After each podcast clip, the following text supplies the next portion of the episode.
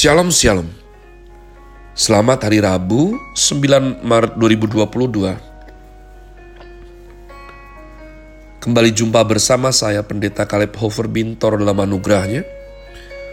Penuh sukacita sampaikan pesan Tuhan melalui Grace Word yakni suatu program renungan harian yang disusun dengan disiplin kami doakan dengan setia. Supaya makin dalam kita beroleh pengertian mengenai iman, pengharapan, dan kasih yang terkandung dalam Kristus Yesus sungguh merupakan kerinduan saya bagi saudara sekalian agar supaya kasih dan kuasa firman Tuhan setiap hari tidak pernah berhenti menjamah hati, menggarap pola pikir, dan terutama kehidupan kita boleh sungguh terbukti berubah menuju Christ likeness. Berada dalam season spring, uh, spring Tuhan ya maafkan, spring dengan tema bulan ini Loving the King Chris Word hari ini saya berikan judul pengakuan iman rasuli bagian 123. Paling panjang. Tidak jemu saya katakan jika saudara pertama kali mendengarkan program itu hari ini. Shalom. Yang kedua adalah jangan panik mengenai 123-nya karena itu hanya memudahkan pendataan file kami ya sebab Chris Words ini dirancang untuk dapat dinikmati hari lepas hari. Mari kita sekali lagi membaca daripada warisan iman Kristen. Dari para rasul Kristus secara langsung, pengakuan iman rasuli. Aku percaya kepada Allah, Bapa yang Maha Kuasa, Khalik langit dan bumi, dan kepada Yesus Kristus anaknya yang tunggal Tuhan kita, yang dikandung dari roh kudus lahir dari anak darah Maria, yang menderita sengsara di bawah pemerintahan Pontius Pilatus. Disalibkan mati dan dikuburkan.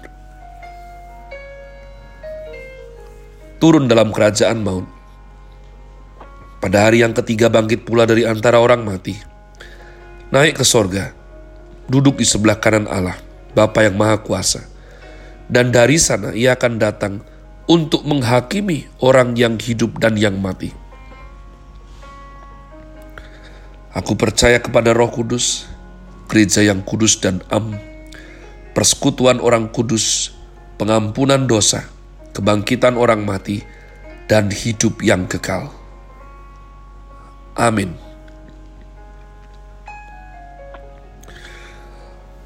Kita sedang ada dalam pembahasan bagian terakhir daripada pengakuan iman rasuli yang kita baca tadi. Aku percaya akan Allah Roh Kudus, kita sudah berbicara mengenai sifat Allah Roh Kudus yang adalah kekal, suci, dan roh kebenaran. Jadi umat Tuhan, kalau kita melihat ada fenomena ya berbahasa roh itu adalah salah satu anugerah karunia berbahasa lidah.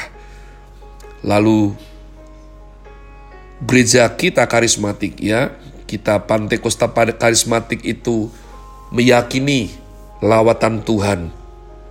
Kita tertawa, menangis, didoakan tumbang. Saya tidak pernah mencela atau beropini mengenai hal-hal tersebut. Terbukti beberapa hal memberikan suatu kelegaan jiwa yang luar biasa ketika didoakan dan mengalami manifestasi.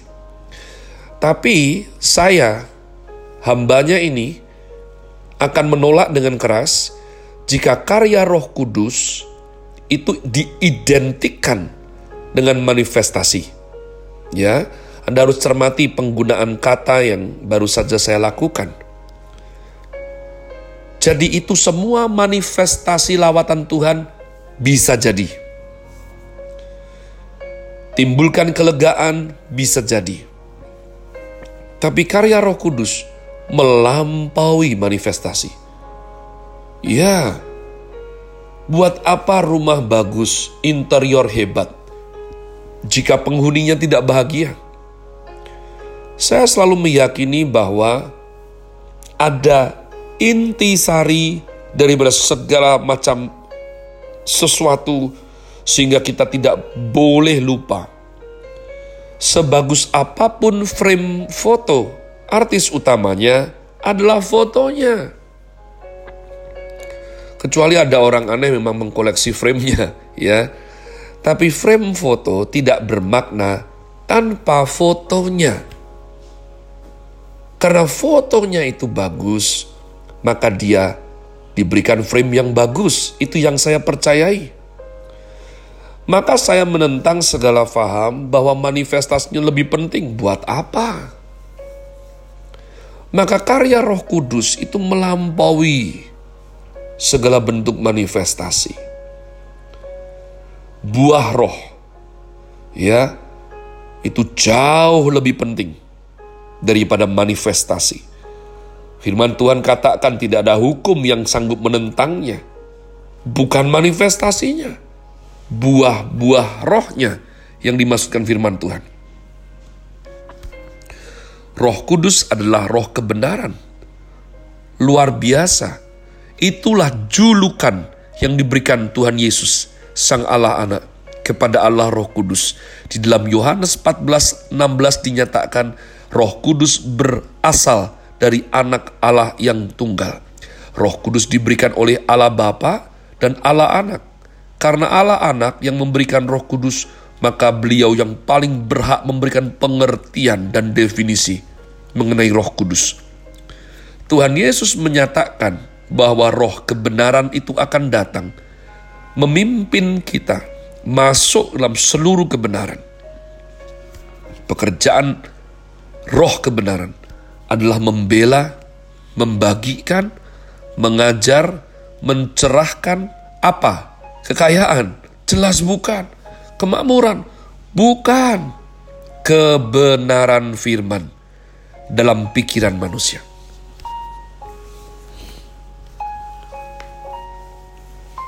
Jadi umat Tuhan, sejarah dunia dengan segala macam teknologi dan tatanan yang luar biasa – itu berkembang bukan karena ditemukan emas umat Tuhan. Ya, bukan ditemukan berlian, bukan. Tapi karena pikiran manusia dicerahkan, eureka, diberikan wahyu, dididik oleh Tuhan, mengerti kebenaran, baru budaya bisa dibentuk, dibangun aspek intelektual, aspek pengertian, aspek kebijaksanaan sering dilupakan manusia. Karena setan mau orang Kristen sesedikit mungkin pergunakan otaknya. Ya, jangan berpikir. Maka saya, ya ini opini pribadi saya, saya tidak lancang ya, siapa saya, saya prajurit kecil. Kalau ada seorang oknum pendeta berkata bahwa kalau ke gereja, Gak usah bawa otak, bawa hati saja. Ya kira-kira saya ngerti maksudnya. Ya jangan terus didebat terus firman dia. Tapi itu pun juga kurang betul umat Tuhan. Kenapa? Karena Tuhan berikan otak, memang sengaja untuk berpikir. Makanya kalau ada orang tua bilang, jadi anak jangan tanya terus. Saya tidak. Saya bilang sama anak-anak saya, tanyalah sampai puas. Saya berdoa saya bisa jawab pertanyaanmu, misalnya tidak bisa jawab. Kita bersama akan cari orang yang lebih bijaksana, lebih cerdas untuk jawab pertanyaanmu. Daripada setan yang jawab, mending saya bapaknya yang jawab umat Tuhan. Sekali pertanyaan muncul, ya itu kadang begitu menyiksa batin jika tidak dijawab dengan kebenaran. Alkitab mengatakan, "Pikirkanlah siang dan malam firman Tuhan." Mazmur Fatsal yang pertama, orang yang merenungkan firman siang dan malam. Kebenaran Tuhan bagaikan sebatang pohon di tepi aliran air katanya. Akarnya terus menerima air. Buahnya terus bertumbuh. Tidak akan layu setiap musim berbuah, setiap musim berbuah. Nah, ini penting. Roh Kudus adalah roh kebenaran.